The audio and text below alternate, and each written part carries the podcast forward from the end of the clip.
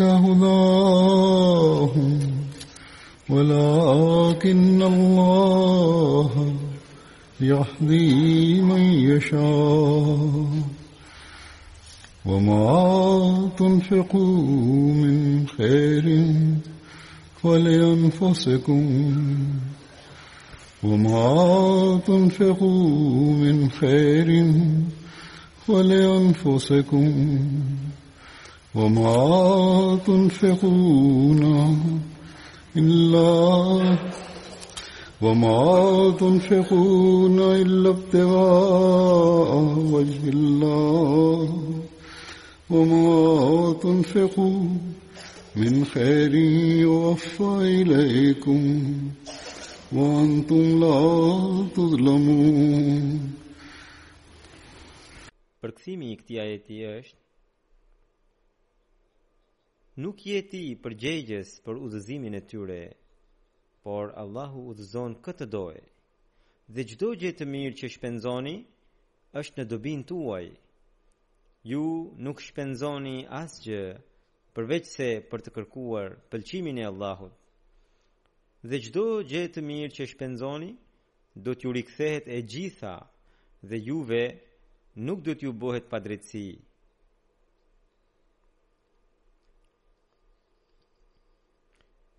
Ky ajet siç është e qartë,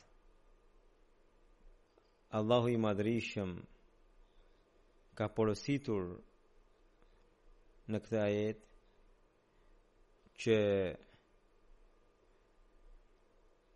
udhëzimi i njeriut dhe ardhja e tij në rrugën e drejtë në atë rrugë e cila e çon te destinacioni përfundimtar Dhe më pas, qëndrueshmëria e tij në atë rrugë dhe gjithashtu mosdevijimi i tij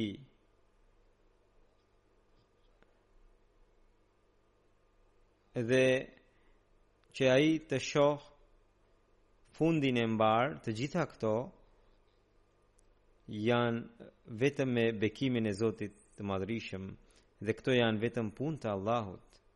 Ne dikujt mund t'i tregojmë rrugën e mirësisë, por nuk është e thënë që ne edhe mund ta sjellim atë patjetër në atë rrugë, edhe ta mbajmë të qëndrueshëm. Këtë punë e ka marrë përsipër vetë Allahu i Madhërishëm. Dhe ai që përpiqet për t'iu afruar Allahut të Madhërishëm për të ndjekur atë rrugë dhe pastaj edhe lutet për të edhe Allahu i Madhërishëm e bekon atë dhe njeri i tillë, një njeri i tillë arrin te destinacioni. Prandaj është e domosdoshme që ne pasi ta kemi gjetur, pasi kemi gjetur udhëzimin, të përpiqemi të ndjekim rrugën e Allahut ashtu siç na na ka thënë ai edhe për këtë edhe të lutemi dhe në këtë rrugtim të tregojmë qëndrueshmëri edhe Zotit t'i kërkojmë bekime në mënyrë që të shofim një fund të mbarë. Dhe asnjëherë, dobësia jonë Të mos na devijojë nga rruga e Allahut. Së dyti, Allahu i Madhërishëm në këtë ajet tha se ju duhet të jepni në rrugën e Zotit nga paratë tuaja të pastra edhe kjo do të jetë në dobinë tuaj. Allahu i Madhërishëm thotë: "Wa ma tunfiquna min khairin fali anfusikum." Që çdo gjë të mirë që ju shpenzoni në rrugën e Allahut, dobia e saj do t'ju rikthehet juve. Zoti nuk mban borxhe madje ua kthen njerëzve duke e shumëfishuar, ashtu siç një bujk që hedh farat në tokë. Një naiv duke e parë bujkun edhe mund të thotë se ai po bën një punë të kotë, pasi të gjitha farat po i hedh në tokë, por një që ka mend, E di shumë mirë që këto fara që hidhen në tokë kthehen mund të kthehen duke u shumëfishuar jo vetëm në mijëra, por në miliona. Përveçse nëse bujku për shkak të ndonjë fatkeqësie nuk arrin të shohë të korrat. Prandaj paratë që shpenzohen në rrugën e Zotit Ato para që janë fit të fitu që janë fituar me djersë dhe në mënyrë të pastër, ato mund t'i kthehen robit duke u shumëfishuar në qindra mijëra edhe Në fakt edhe i kthehen. Ahmedianët vazhdimisht më shkruajnë, tregojnë përvojën e tyre se si ata kanë sakrifikuar në rrugën e Zotit dhe si Zoti i Madhërishëm ua ka shumëfishuar. Ka nga ata që janë me besim të dobët, ka nga ata që janë të sapoantarësuar, edhe ata thonë që Ne e nisëm këtë rrugëtim thjesht duke bërë provë për ta parë se deri ku Zoti na e shumëfishon. Edhe Zoti i Madhërishëm edhe ata i bekon.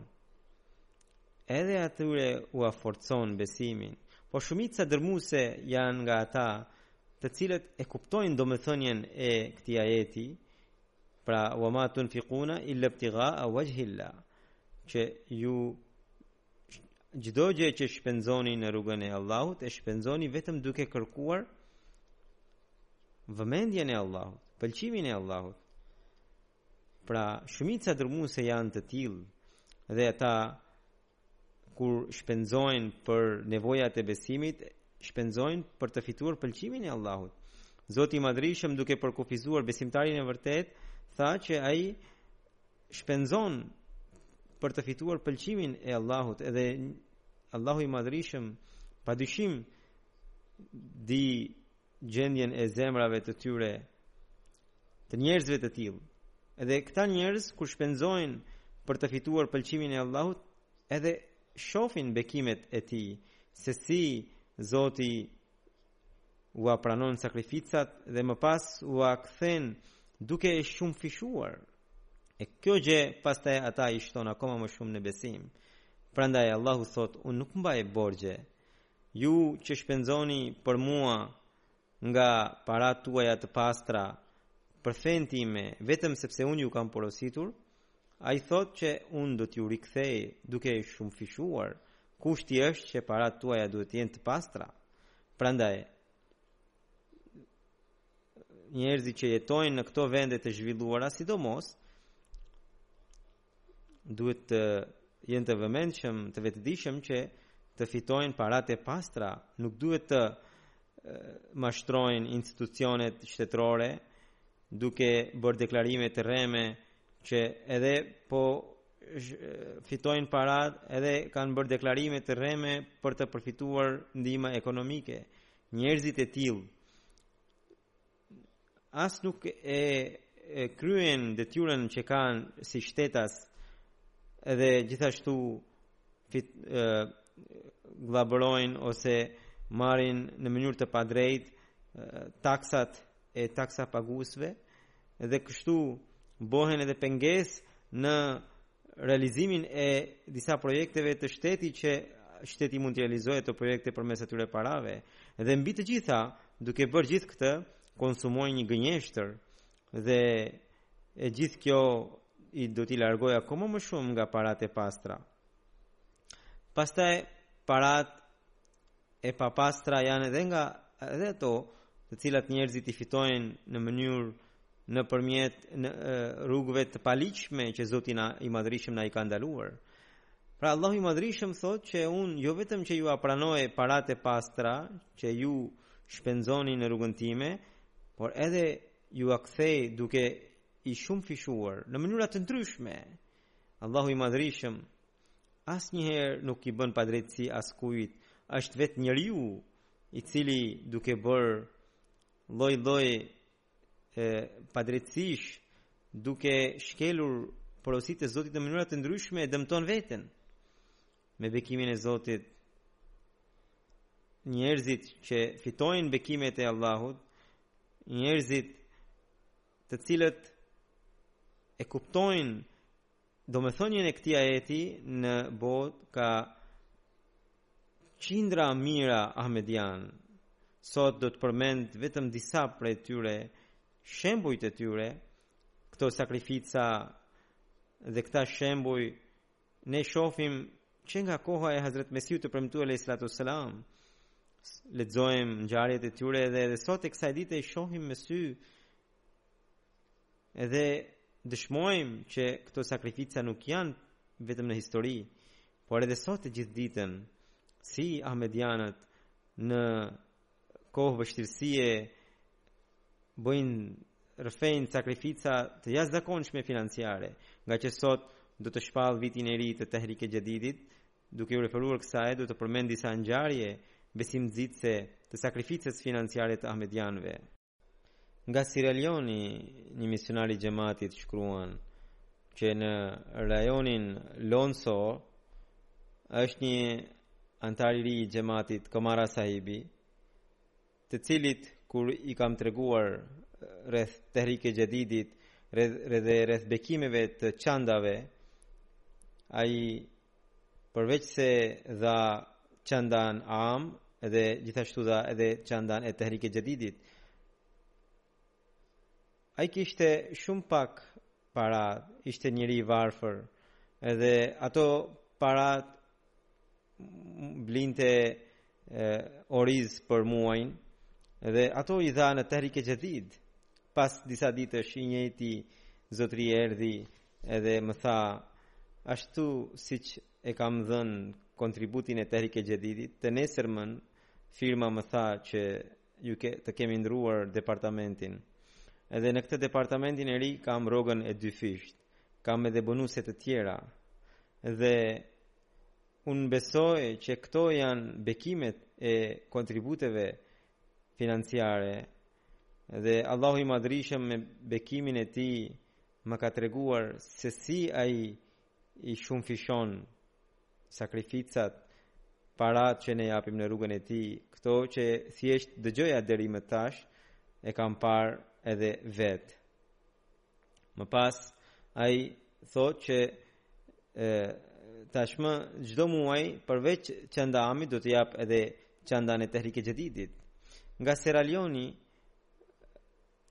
Misionari i rajonit Port Loko shkruan, shikoni një ngjarje se pavarësisht nga varfëria, si ata sakrifikohen dhe si më pas Allahu i Madhërishëm i bekon dhe ua shton në besim.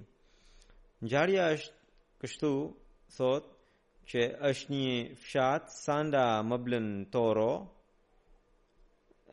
dhe aty jeton një ahmedian Muhammed Sahibi,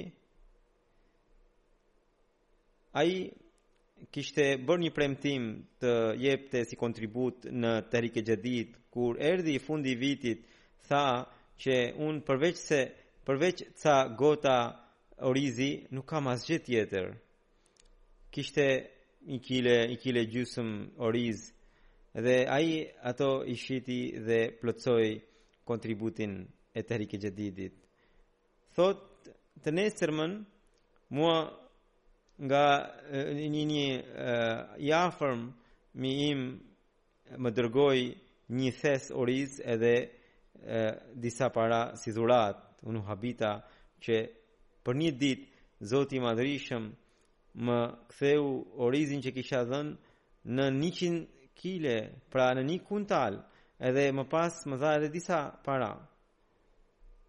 Misionari i xhematit nga Gini Bisau shkruan një ngjarje tjetër që tregon si njerëzit e varfër sakrifikojnë dhe si Zoti i Madhërishëm i bekon.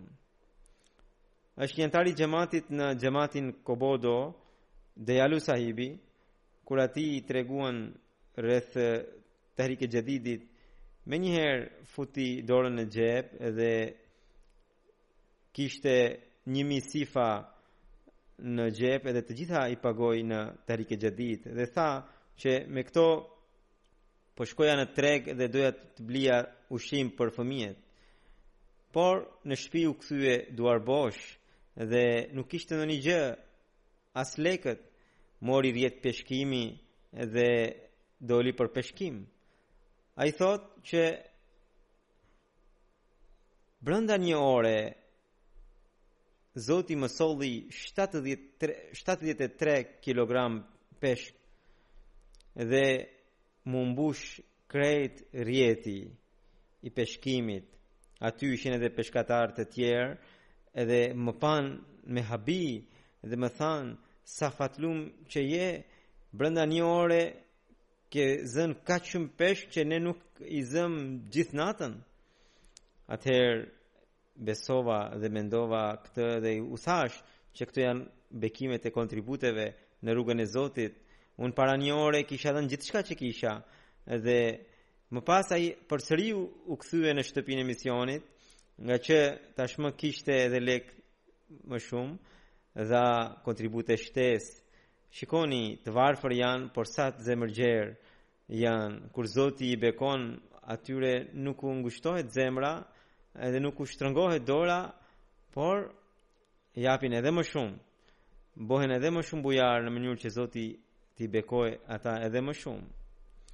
Amir Sahibi i Kongos shkruan që nga rajoni e, Bindo Nidu, misionari lokal u tha anëtarëve të xhematit për Tahrike Xhadidin dhe tha dhe në fakt unë kam porositur xhematet që sa më shumë anëtarë duhet të marrin pjesë në këtë ark. Kur misionari në fjalë ua tregoi fshatarëve këtë gjë, porosinë time, Fshatarët nuk kishin asgjë për të dhënë. Ishin janë njerëz të varfër, por ata thanë o burra, ne diçka do të japim dhe ata shkuan në pyll, prenë dru e bënë qymyr dhe mbushën thasët me qymyr. Aty në fshat nuk kishte asgjë, askush që t'i blinte dhe bënë një udhëtim me varka dhe aty në Kongo ka shumë lumenj edhe bënë një udhëtim shumë të vështirë dhe shkuan në një qytet shitën gjitha gjithë gjitha thasët dhe fituan 96000 franga sifa Dhe të gjitha ato i sollën në xhamat si kontribut për Tehrik e Xhedid. Janë njerëz të çuditshëm. Edhe Hazrat Mesihu i Premtuar alejhis salatu ves selam kishte thënë që unë habitem nga niveli i sakrificës së tyre. Të tillët janë edhe këta. Niveli dhe standardi i sakrificës së këtyre njerëzve të varfër përkon ngjason edhe me ngja me kohën e Hazrat Kalifit të dytë kur ai thoshte që shikoja njerëz që kishin vetëm vezë ata si vezë sillnin si kontribute dhe kishin dikush kishte diçka tjetër vetëm atë gjë e thoshte sillte si kontribut vetëm për të fituar pëlqimin e Allahut. Nga Gini Bisau, misionari i xhematit shkruan, Në vendin tonë është një fshat i largët që quhet Kabukre dhe aty jeton një zonjë Ahmediane, 50 vjeç, është shumë e varfër, nuk ka asnjë mundësi të ardhurash. Thotë, para disa ditësh kur po u bënim thirrje njerëzve për kontributet në Tehrik e Xhedid. Ajo bëri nijet që unë nuk kam ndonjë gjë, kam vetëm një pulë, një një zog. Edhe do ta rris këtë dhe do ta shes dhe do ta jap kontribut në Tehrik e Xhedid. Pas pak kohe aty u përhap një sëmundje te pulat. Edhe pula e saj u sëmur. Të afërmit i thanë që kjo do të ngordhë, prandaj there Ajo tha se jo nuk do ta ther. Tha, iu luta Zotit, o Zot, nuk kam asgjë përveç kësaj, më ndihmo dhe shpëtoje këtë. Ajo thotë që kur u çova në mëngjes të nesërmën, ishte shëndoshë e mirë dhe e priti gjersa u formua dhe Më pas ajo shkoi në xhamat dhe ia dha misionarit, duke thënë se ky është kontributi im në Tehrik e Xhedid. Njerëzit thonë se ne nuk shohim shenjat e Zotit. Në qoftë se duan të shohin dhe kanë sinqeritet dhe kanë kontakt me Zotin, Zoti patjetër ua tregon. Këto janë shenja të vogla që njerëzve ua shtojnë besimin. Një tjetër shembull të sjelljes së Zotit vjen nga Tanzania, nga rajoni Marar. Misionari i xhamatit thotë që është një ahmedian i ri Rashid Hussein Sahibi, i cili ka një ushqimore të vogël. Ai e kishte përmbushur premtimin e tij për kontributet në Tehrik e Jadid, por në fund të vitit kur misionari i xhamatit bëri thirrje që ata që kanë mundësi mund të japin edhe më shumë, Zotëria në fjalë pavarësisht se nuk ishte në këtë grup, edhe përveç kësaj atë ditë Ai kishte edhe gjendje të dobët financiare. Në dyqan kishte një mall për të cilin nuk priste që do të shitej shpejt. Megjithatë, ai kishte 3.000 shiling dhe të gjitha ia dha misionarit për uh, Tehrik e Jadid. Të nesërmën erdhi te misionari dhe tha se ndodhi një ngjarje e çuditshme, pavarësisht se unë nuk kisha një mall që mund të shitej shpejt, edhe i dhashë ato kontribute për Tehrik e Jadid. Allahu i madhërishëm për shkak të bekimit të kontributeve, më ndihmoi në mënyrë të jashtëzakonshme. Gjatë drekës më erdhi një klient i cili më bleu gjithë mallin për të cilin unë mendoja se nuk do të shitej shpejt sepse nuk ishte, nuk ishte arsye. Dhe kështu unë fitova 23.000 shiling. Dhe mendoj se të gjitha këto janë bekimet e kontributeve në Tehrik e Jadid. Nga Afrika Qendrore është një qytet Bangi dhe aty është një Ahmedian Ajana Sahibi, Edhe ngjarja e tij është interesante. Shikoni se si Allahu i Madhërishëm forcon besimin njerëzit, robrit e tij. Ky është Ahmedian i sapo anëtarësuar. Ai thotë që kam 8 apo 9 muaj që kam pranuar xhamatin dhe gjatë kësaj periudhe kam sjellë shumë ndryshime pozitive vazhdimisht shkoja në namazin e xhumasë edhe çdo të premte ndiqja edhe hutben e kalifit të xhamatit dhe thotë një ditë kur po dëgjoja kalifin e Imam Mehdiut i cili thoshte që ai që shpenzon në rrugën e Allahut nuk varfërohet, madje Zoti ia shumëfishon pasurinë. Atëherë kur misionari i xhematit bënte thirrje edhe për Tehrike Xhedidin, i thashë që do ta shoh sot se si ndodh kjo. Unë kisha vetëm 500 frank në xhep, të gjitha ia dhashë misionar Sahibit. Edhe Isha i menduar me mendimit i mendueshëm që çfarë do të haja në darkë. Më pas m'u kujtua përsëri fjala e kalifit të Imam Mehdiut që Zoti e shumëfishon atë që jepet në rrugën e tij. Dhe ngaqë tani kisha dhënë 500 frank, në rrugën e tij dhe thashë do ta shoh se si këto para shtohen ngaqë ishte ahmedian i ri nuk kishte akoma besim të përsosur por pavarësisht kësaj kishte nijet të pastër dhe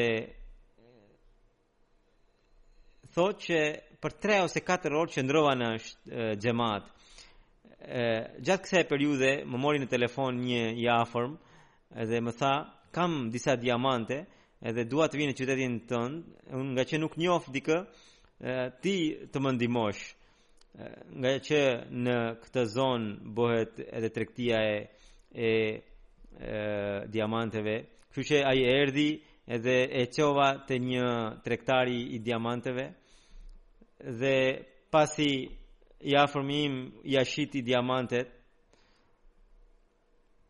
ishte shumë i gëzuar dhe ai më dha si dhuratë 27000 frank si dhuratë pra edhe jo vetëm kaq por edhe ai të cilit ai ia shiti frankat më dha thotë ky 10000 frank të tjera kështu që Pashë që unë kisha dhënë 500 franka dhe Zoti i Madhërishëm brenda disa orëve më ktheu 37000 franka. Kështu që kjo më shtoi shumë besimin. Nga Anglia një zonjë shkruan që shikoni se si Allahu i Madhërishëm ia shtoi besimin edhe kësaj zonje. Ajo thotë që unë e kisha plotësuar kontributet, ë pra i kisha dhënë kontributet në Tehrike Xhedid. Por ë presidentja e xhematit lokal më bëri thirrje që akoma nuk e kemi arritur targetin, kemi nevojë për më shumë kontribute. Ata që kanë mundësi le të japin. Unë kisha disa para, mirëpo kisha për të shpenzuar për një punë tjetër, edhe nuk doja të jepja. Më pas diç më erdhi në mendje dhe të gjitha ia dhashë përsëri në Tehrik e Xhedid. Të nesërmen Kur pashë llogarinë time të bankës, u habita që katërfish më shumë nga ato që kam dhënë dje, puna ime më kishte kredituar në llogarinë time edhe për një për këtë shumë unë kurrsesi nuk e prisja. Pra Zoti i Madhërishëm ndihmon jo vetëm njerëzit që janë në Afrikë, por edhe këtu, edhe kështu ua forcon besimin. Amir Sahibi nga Burkina Faso shkruan që në Kolo është një anëtar i xhematit Savada Sahibi, ai çdo muaj në Tehrik e Xhedid jepte nga 100 franks. Një ditë dikush i dha tre qengja në dhuratë, dhe ai njërin prej tyre dha në Tehrik e Xhedid. Zoti i madhërishëm kaq shumë e begatoi saqë sot ai është pronari i një tufe të madhe bagëtish. Dhe tani jo vetëm që nuk jep më 100 frank për muaj, por 1000 frank në çdo muaj në Tehrik e Xhedid. Një tjetër shembull, të sinqeritetit dhe të besnikërisë Na ka dërguar nga Benini, misionari i xhematit.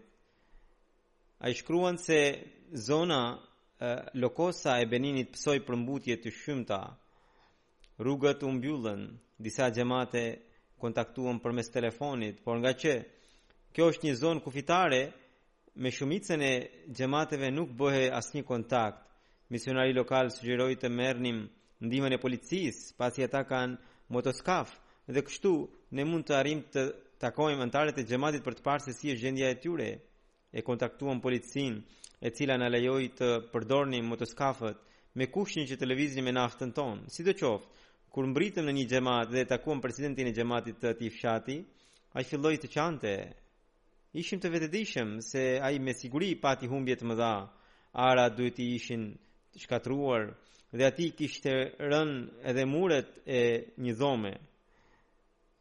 E ngushullova duke thënë të mos mërzitej dhe se Zoti është i madh dhe do t'ia largonte humbjen. Por ai m'u përgjigj, "Jo, jo, nuk qaj për humbjet financiare." Para se të vinit përmbytjet kisha para se të vinin përmbytjet kisha mbledhur çandat pra kontributet financiare të mia për arkën e Tehrike Xhedidit dhe prisja të më vinte misionari i xhamatit që t'i dorëzoja ato por u mbyllën rrugët për shkak të përmbytjeve dhe ngela i shqetësuar i lutesha Zotit se pak ditë kishin mbetur në mbylljen e vitit dhe nuk gjej mundësi t'ia çoja çandat xhamatit O Zot, hap Ti ndonjë rrugë për mua, i lutesha. Sot që keni ardhur ju dhe nuk më pyetët për çandat, por për gjendjen time, nuk u përmbajta dot nga emocioni dhe nga fakti se sa shpejt Zoti më dëgjoi lutjen që ta përmbushja detyrën time. Pra, ai nuk shqetësohej për humbjen e vet, shqetësohej vetëm për premtimin që ai do ta përmbushte në rrugën e Allahut, për sakrificën që ai do ta bënte për ta tërhequr vëmendjen e Allahut. Edhe nuk po bëhej ajo, për këtë ai shqetësohej. Nga India Sekretari i Tehrike Xhedidit, Ibrahim Sahibi, shkruan që që vjen nga e, provinca Karnatak, edhe në këtë shembull kemi sjelljen, shembullin e sjelljes së Zotit me anëtarët e xhamatit. Është një Ahmedian në Bangalore, i cili punon në një kompani dhe merrte 20000 rupi në muaj. Edhe ai thotë që kisha dëgjuar kisha lexuar një porosi të Hazrat Kalifit të dytë që e kishte bërë ai në atë kohë që anëtarët e xhamatit të përpiqeshin të jepnin gjysmë rroge në Tehrike Xhedid gjatë gjithë vitit. Pra, një gjysmë rroge për gjithë vitin. Dhe edhe ai bëri të njëjtin premtim. Ndërkohë anëtarët e shtëpisë i thanë që ke bërë një premtim të madh, edhe është e vështirë. Mirëpo, ai u kishte thënë që Hazrat Kalifi i dytë tha që derisa njeriu nuk bën përpjekje të madhe, engjëjt e Zotit nuk e nuk luten për të dhe nuk e ndihmojnë atë. Edhe ai thotë që tani pasi e plotësoi premtimin ai gjeti një punë tjetër, një kompani tjetër ku tashmë fiton 1 milion e 270 mijë rupi për një muaj pra rroga e tij nga India përsëri nga shteti Kerala sekretari i Tehrik Jadidit i xhamatit shkruan që në Kerulaj kemi një anëtar të xhamatit i cili është ka një standard shumë të lartë në sakrificat financiare ai ka një biznes të uh, mobiljeve Dhe kur sekretari i financës i xhamatit udhëtoi në këtë shtet, ai ia tregoi ndërmarrjet e tij duke thënë që lutuni këto ditë se nuk kam të ardhura të mjaftueshme dhe bën edhe një dua aty. Sidoqoftë përsëri ai kishte bërë premtimin 1 milion e 500 mijë rupi që të paguante në Tehrik e Xhedid përgjatë gjithë vitit. Tani, në dy muajt e fundit ishte shumë i shqetësuar ngaqë nuk i kishin shkuar punët siç duhej dhe vetëm 200.000 kishte paguar deri më tani. Edhe ai edhe mua më ka shkruar për lutje në ditët e fundit të tetorit Edhe përsëri më shkroi letrën që lutuni që ta përmbush premtimin tim. Edhe pasi dërgoi këtë letër, pak orë kishin kaluar që një shumë e madhe parash i erdhen në llogarinë e tij që ai nuk e priste për shkak të një biznesi që kishte realizuar diku dhe ajo ishte aq e madhe saqë jo vetëm që e përmbushi premtimin, por i erdhi në ndihmë edhe për biznesin në punë të tjera. Nga Benini në rajonin Nati, misionari i xhamatit shkruan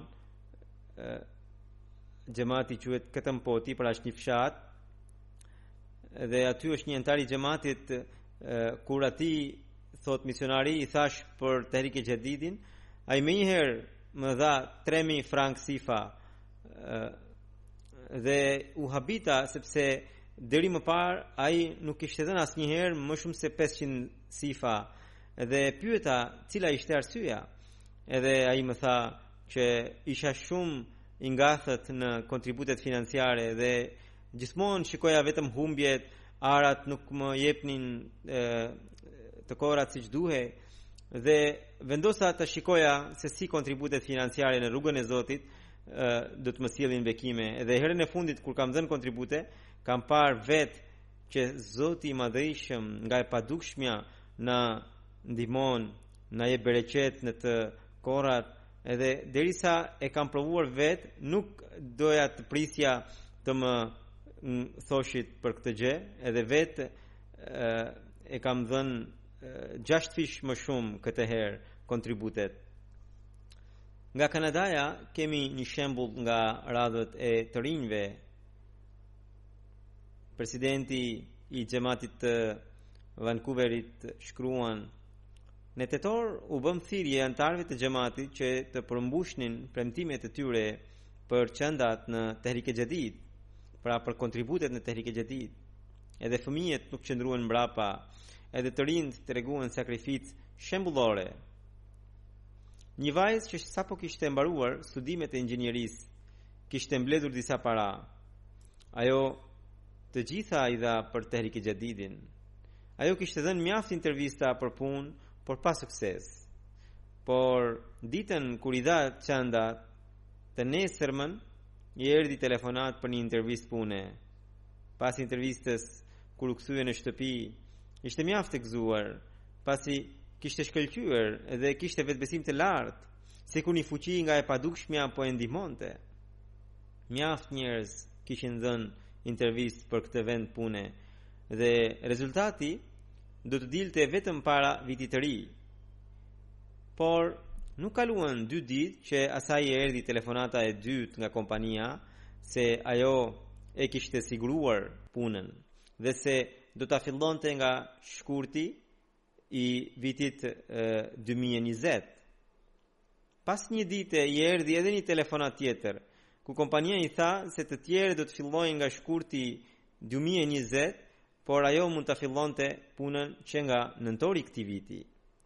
Vajzës i është forcuar besimi, pasi vetë pa bekimet e Allahut të Madhërishëm.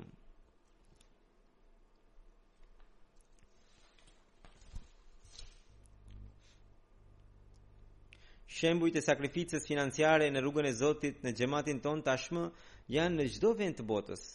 Dhe në çdo vend të botës Zoti i Madhërishëm tregon shenjat e bekimeve të tij pas sakrificave e, financiare. Një ahmedian që quhet Zair Sahibi është nga qyteti Bukhara i Uzbekistanit, por shkon në Moskë për të punuar. Punon për pak kohë dhe kur mbledh ca para kthehet përsëri në Uzbekistan. Gruaja e tij në fillim pati ngurrim për të bërë bejtin, por kur studioi dhe bëri edhe lutje, u bë edhe ajo anëtare e xhamatit. Para pak kohe, xhamati vendas i kujtoi Zair Sahibit për çandat në Tehrik e Jadid dhe i tha t'ia thoshte edhe bashkëshortes që edhe ajo të merrte pjesë në arkat Tehrik e Jadid dhe Vakfe Jadid. Zair Sahibi thotë se këto ditë ai punon me taksi në Uzbekistan, kurse gruaja është rrobaqepëse. Të dy bashkëshortët e kanë si parim, i ndajnë të ardhurat në tri pjesë, një pjesë e lënë për fëmijët, një për shtëpinë dhe një tjetër caktojnë për kontributet në rrugën e Allahut të Madhërishëm. Ata thonë se jetojnë një jetë mjaft të lumtur dhe edhe punët e shpisë shkojnë shumë mirë.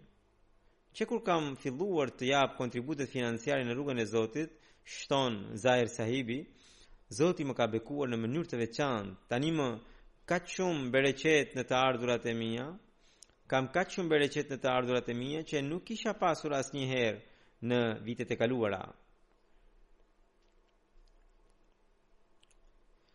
Po nga Rusia, misionari i xhematit thotë që në Moskë është një anëtar i xhematit që quhet Raslan Sahibi që punon si kuzhinier.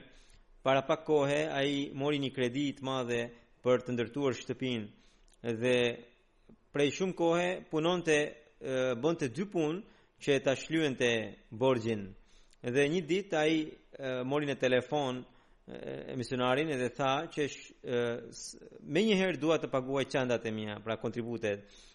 E pyeta thotë misionari Sahibi dhe për arsyen, edhe ai tha që aty ku ai punonte, jo këtë punë, por një punë tjetër që ai bënte më përpara. Punëdhënësi nuk i kishte paguar shumë muaj, edhe ai kishte humb shpresën dhe papritmas ai punëdhënësi i mëparshëm e mori në telefon dhe e lajmëroi që të vinte e t'i merrte gjitha rrogat që kishte lënë. Edhe nga kjo ai tha pati dhe pata dëshirë që së pari të caktoja një pjesë për rrugën e Allahut. Edhe për këtë arsye e kishte marrë në telefon misionar Saibin edhe donte të vinte sa më shpejt për ta paguar çandat. Nga Gjermania kemi një vajzë e cila shkruan që isha shtatzënë prej dy muajsh, tashmë ajo ka lindur edhe edhe djali është dy vjeç, por po flet për një ngjarje kur ajo ka qenë shtatzënë. Dhe thotë që që atëherë Kisha premtuar që gjatë gjithë shtatzënisë çdo muaj do të jap 100 euro në Tehrik e Xhadid. Edhe të shtatë muajt, alhamdulillah kaluan shumë bukur pavarësisht nga disa pengesa të vogla edhe me bekimin e Zotit linda një djalë dhe ndërsa premtimin po e përmbush deri më sot edhe vetëm Zoti më ka bekuar të përmbushja këtë premtim deri më sot Shikoni që në këtë pjesë të botës ku njerëzit po largohen nga Zoti, po humbin besimin në Zot, këtu Allahu i Madhrishëm po i bekon ahmedianët duke u treguar shenjat e tij dhe duke treguar vërtetësinë e xhamatit. Nga Latvia, misionari i xhamatit shkruan që Vahidu Sahibi është në Lituani, më falni është në Latvi. Edhe ai me origjinë është nga qyteti i Buharas i i Uzbekistanit. Para pak vitesh e pranoi xhamatin me bekimin e Zotit, po përparon shumë në sinqeritet dhe duke parë sjelljen e tij në familje edhe gruaja e tij vitin e kaluar e pranoi xhamatin.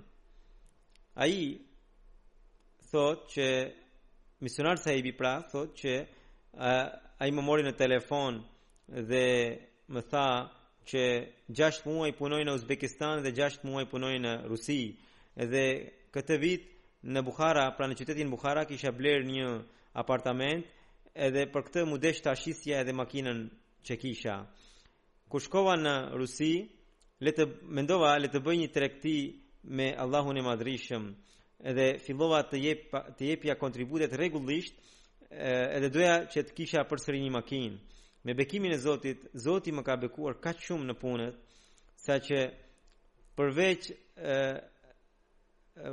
shpenzimeve të shtëpisë, më dilin edhe shumë para, edhe më pas bleva një makinë që kish që është më e mirë sesa që kam pasur makinën më përpara, të cilën e shita për ta blerë ose për të shtuar në fondet për të blerë një apartament. Thotë që unë asnjëherë nuk kam pasur bereqet kaq shumë se sa kam sot dhe gjithë kjo jam i bindur që thotë që për shkak të bekimeve të sakrificave financiare në rrugën e Zotit nga Gini Bisau misionari i xhematit shkruan që Idris Sahibi është anëtar i xhematit dhe është ahmedian i lindur Por pavarësisht nga ky fakt, dhe pavarësisht se vazhdimisht i kemi thënë për të dhënë kontribute financiare edhe nuk, nuk merrte pjesë. Ai kishte filluar një biznes të blloqeve betoni. Edhe vetëm humbje shikonte. Një natë 40 thasë Çimento i bëri beton, blloqe betoni dhe të gjitha ato u shkatërruan për shkak të shiut që kishte rënë atë natë.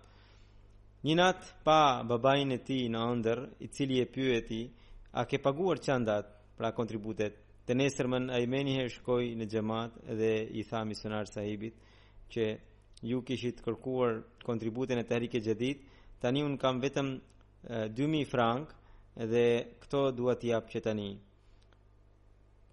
Edhe të nesërmën, Allahu i madhërishëm e ka bekuar atë në atë mënyrë që iu shlye edhe ajo humbje, sepse bëri marrëveshje me një klient i cili ka paguar 800.000 frank sifa edhe ai shleu edhe borxhet edhe tashmë e ka bërë edhe testamentin edhe Zoti kështu ia shtoi besimin nga ishulli Majote është një anëtar i xhematit i cili nuk kishte një në një punë të rregullt, por pra Ali Muhammad Sahibi, por ai thotë që që kur e kam filluar të paguaj kontributin e Tehrik e Xhedid, çdo herë kam pasur punë rregullisht. Ky është një xhemat i ri që u themelua para pak vitesh, por ama në besim edhe në sinqeritet po përparon jashtëzakonisht shumë. Pastaj shikoni se në çfarë mënyrash të ndryshme anëtarët e xhematit përpiqen të japin kontribute dhe të fitojnë pëlqimin e Zotit të Madhërishëm.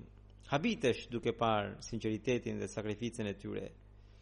Emir Sahibi i Indonezisë shkruan Në Bantan të Indonezisë është një Ahmedian, Oriano Sahibi, i cili jeton vetëm.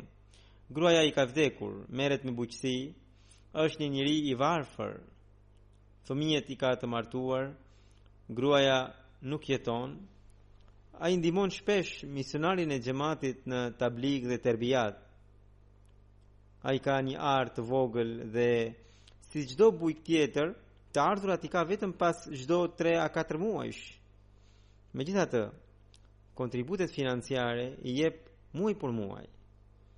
Njëherë misionari e pyeti se për sa kohë që të ardhurat i merr pas 3 a 4 muajsh, si arrin të japë kontributet financiare në rrugën e Zotit çdo muaj rregullisht. Duke iu përgjigjur, ai tha: Kam krijuar një metodë pune vetëm që çandën ta jap çdo muaj rregullisht. Një pjesë të arës sime e kam përcaktuar për të mbjellë vetëm banane. Dhe bananet i mbolla me pauza kohore. Disa i kam mbjellë në një kohë e disa pas një muaj e disa të tjera një muaj pas kësaj pjese të dytë e me radhë. Bananja ngaqë bëhet gjithë vitin, unë çdoherë kam pemë me banane të pjekura, të cilat i vjel dhe i shes në treg, Të ardhurat që më vijnë nga banane, të gjitha jap në rrugën e Zotit. Po nga Indonezia, Amir Sahibi shkruan që në xhematin Pasir Pëngarja është një anëtar i xhematit, që është sapo i anëtarësuar, gruaja akoma e kundërshton fort, por ai tregohet shumë i qëndrueshëm. Kur filloi viti i ri i Tehrik e Xhadidit, misionari i xhamatit i tregoi rreth rëndësinë e këtij kësaj arke dhe ai bëri premtimin që do të jepte 500.000 rupi indoneziane. Kjo shumë pavarësisht se është e vogël sepse vlera e rupisë indoneziane është e vogël, por për të ishte shumë e madhe. Dhe misionar sahibi i tha që të mendonte mirë sepse ishte premtim i madh. Ai punon si mësues i jashtëm, edhe merr një rrogë shumë të vogël dhe kur erdhi muaji i Ramazanit dhe kur përsëri bëra thirrje, thotë misionar sahibi për Tehrik e Xhadidin, ai të gjitha një ditë i pagoi për një ditë. dhe tregoi arsyen që dikush i kishte dërguar një zarf si dhuratë disa para edhe ai nuk e hapi zarfin edhe erdhi direkt tek misionar Sahibi duke thënë që këto do të jenë kontribute nga ana ime për Tehrik e Xhedidin edhe ato ishin fiks aq sa ai kishte premtuar pra 500000 rupi indoneziane Shikoni pastaj edhe fëmijët se si po brumosen në xhematin e Mesihut të Premtuar alejhi salatu ves-selam me frymën e sakrificës. Misionari i Ganës shkruan që para disa kohe kur e mbajta hytben për Tehrik e Xhedidin dhe për sakrificat financiare dhe theksova që edhe fëmijët duhet të brumosen me ndjenjën e sakrificës dhe të japin vetë me dorën e tyre.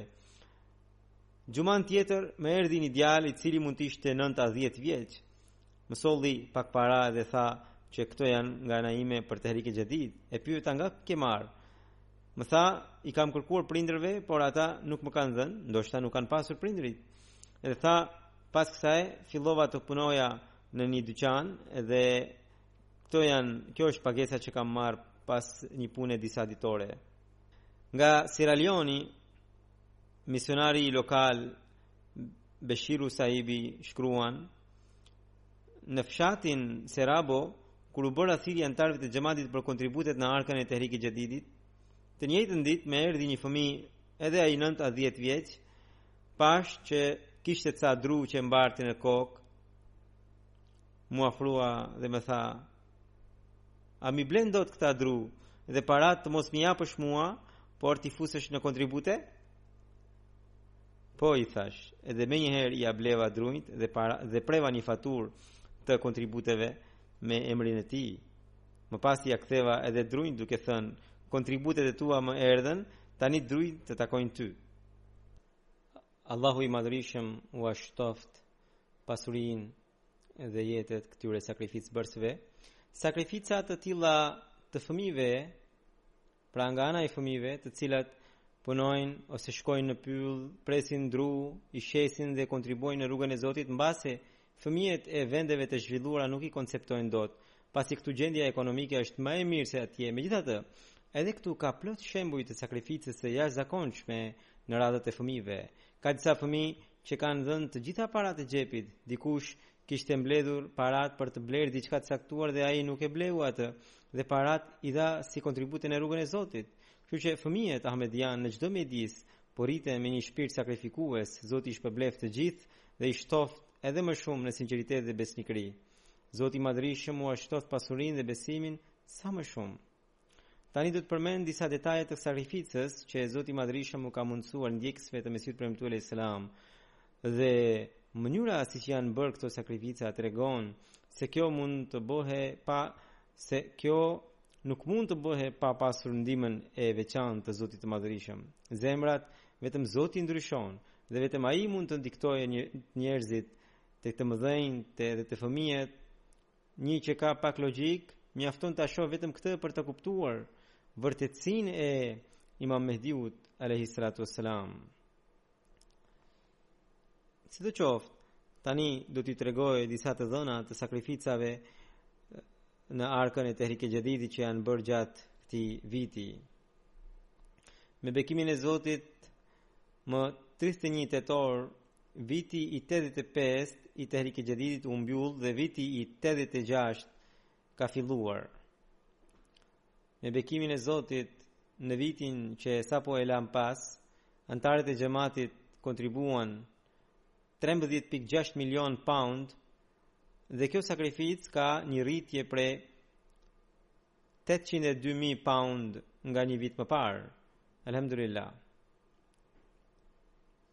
Këtë vit, monedha e Pakistanit është zhvlerësuar ndjeshëm për shkak të problemeve politike dhe ekonomike atje. Zoti e mëshiroftë këtë vend, lutuni për Pakistanin. Zoti i bekoftë ahmedianët atje. Dhe për shkak të kësaj rënie, xhamati i Pakistanit natyrisht nuk e ka mbajtur dot vendin e parë të tij në Tehrike Xhedidin. Vendin e parë tanimë e ka zënë xhamati i Gjermanisë, kurse Pakistani ka përfunduar në vendin e dytë. Më pas vjen xhamati i Britanisë së Madhe. Më përpara unë Pakistanin e përjashtoja nga lista e 10 vendeve të para, por duke pohuar gjithmonë se ai e zinte vendin e parë. Edhe këtë herë, pavarësisht se Pakistani nuk e ka zënë vendin e parë, Do ju tregoj 10 vendet e para me përjashtim të tij. Kështu që 10 vendet e para me përjashtim të Pakistanit janë Gjermania dhe pra e dyta siç ju kam thënë Pakistani, pas saj Britania e Madhe, SHBA-ja, Kanadaja, India, më pas vjen një vend arab, pastaj Indonezia, Australia, Gana dhe pastaj sërish vjen një vend arab. Pavarësisht se gjendja ekonomike është në rënie, jo vetëm në Pakistan, por edhe në vende të tjera në përgjithësi, të ardhurat në këtë arkë, megjithë, megjithatë, janë në rritje. Renditja e vendeve që kanë bërë rritjen maksimale, janë, pra për sa i përket ë, monedhës vendase, Së pari është një vend arab, pastaj është India, pastaj Kanadaja, pastaj Gjermania, pastaj Britania e Madhe dhe pastaj Ghana, pastaj Kanadaja, Më falni, pas Ghanës vjen Pakistani dhe pastaj Indonezia, pastaj SHBA-ja dhe dhe në vendin e 10 Australia. Për sa i përket sakrificës për frymë, pesë vendet e para janë Zvicra, SHBA-ja, Singapori, Britania e Madhe, Suedia dhe pastaj vijnë vendet e tjera. Vendet e para në kontinentin afrikan janë Gana, Nigeria, Burkina Faso, Tanzania, Gambia dhe pa, më pas vjen Benini. Gjatë viteve të fundit kisha thënë të jepni rëndësi numrit të pjesëmarrësve dhe për këtë arsye vendeve të ndryshme u jepet synimi për numrin e pjesëmarrësve sesa për shumën e kontributeve. Me bekimin e Zotit të Madhërishëm, Pjesëmarrësit sivjet në arkën e Tehrik i Xhedidit ishin më shumë se 1 milion e 827 mijë veta, e që janë 120 mijë më shumë sesa në vitin e kaluar.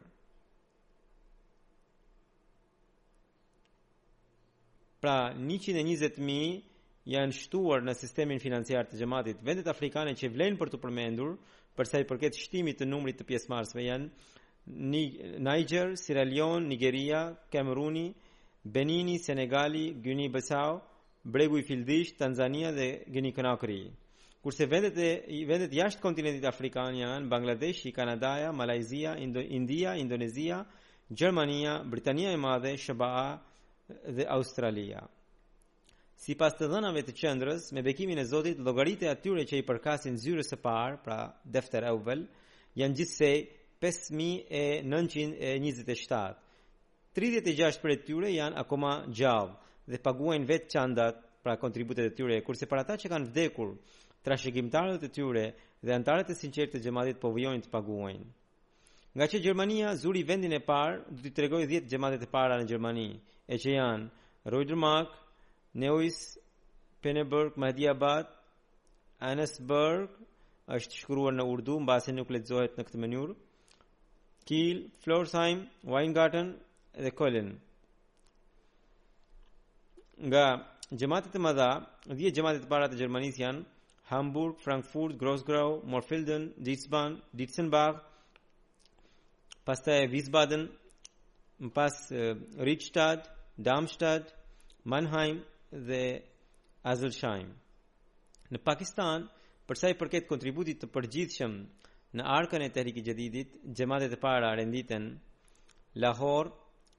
dhe më pas Rabba dhe vendin e tretë Karachi. Kurse në rangun provincial, 10 provincat e para janë Islamabad, Sialkot, Faisalabad, Gujranwala, Umarkot, Hyderabad, Mirpur Khas, pastaj Kasur, pastaj Toba Tek Singh, më pas Mirpur Azad Kashmir. Dhe pesë xhamatet e vogla të Pakistanit që kanë bërë sakrificë të vyer janë, po së pari do t'i tregoj qytetet, Imarat Defense, Lahore, Township Lahore, Cantt Rawalpindi edhe disa shtete që ka renditur, disa qytete që ka renditur Huzuri. Më pas tregon pesë xhamatet e vogla të Pakistanit që kanë bërë sakrificë të vyer, e që janë Wah Cantt, Sabadasti, Khokhar Gharbi, Chak Nau Panyar edhe Chawinda.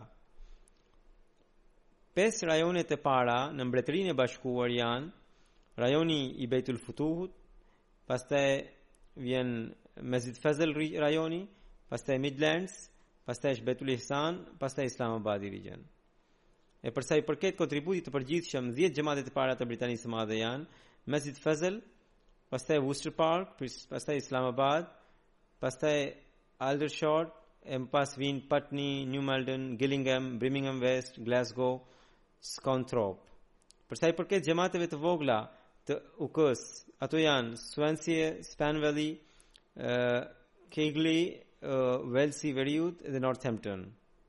Xhamatet e SHBA-ve për sa i përket kontributit të përgjithshëm janë si vijon: Silver Spring, Los, Angel, Los Angeles, Silicon Valley, Seattle, Virginia Qendrore, Detroit, Chicago, Oshkosh, Houston, Georgia South dhe Virginia. Xhamatet e Kanadasë për sa i përket kontributit të përgjithshëm janë si vijon: Calgary, Peace Village, Vancouver, Mississauga, Saskatoon. E pesë xhamatet e vogla të Kanadasë janë Edmonton West, pastaj Durham, pastaj Bradford, më pas Hamilton edhe në vendin e 5 Ottawa West. Xhamatet e Indisë, për sa i përket kontributit të përgjithshëm në Tehrik-e-Xhedid, janë si vijon. Karulaj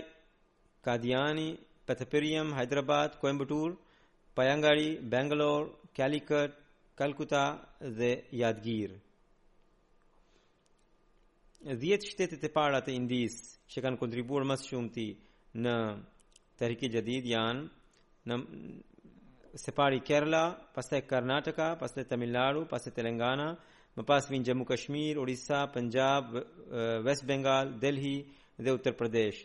Edhe në Kashmir situata politike është tejet e brishtë, megjithatë anëtarët e xhamatit edhe këtu kanë bërë sakrifica të mëdha.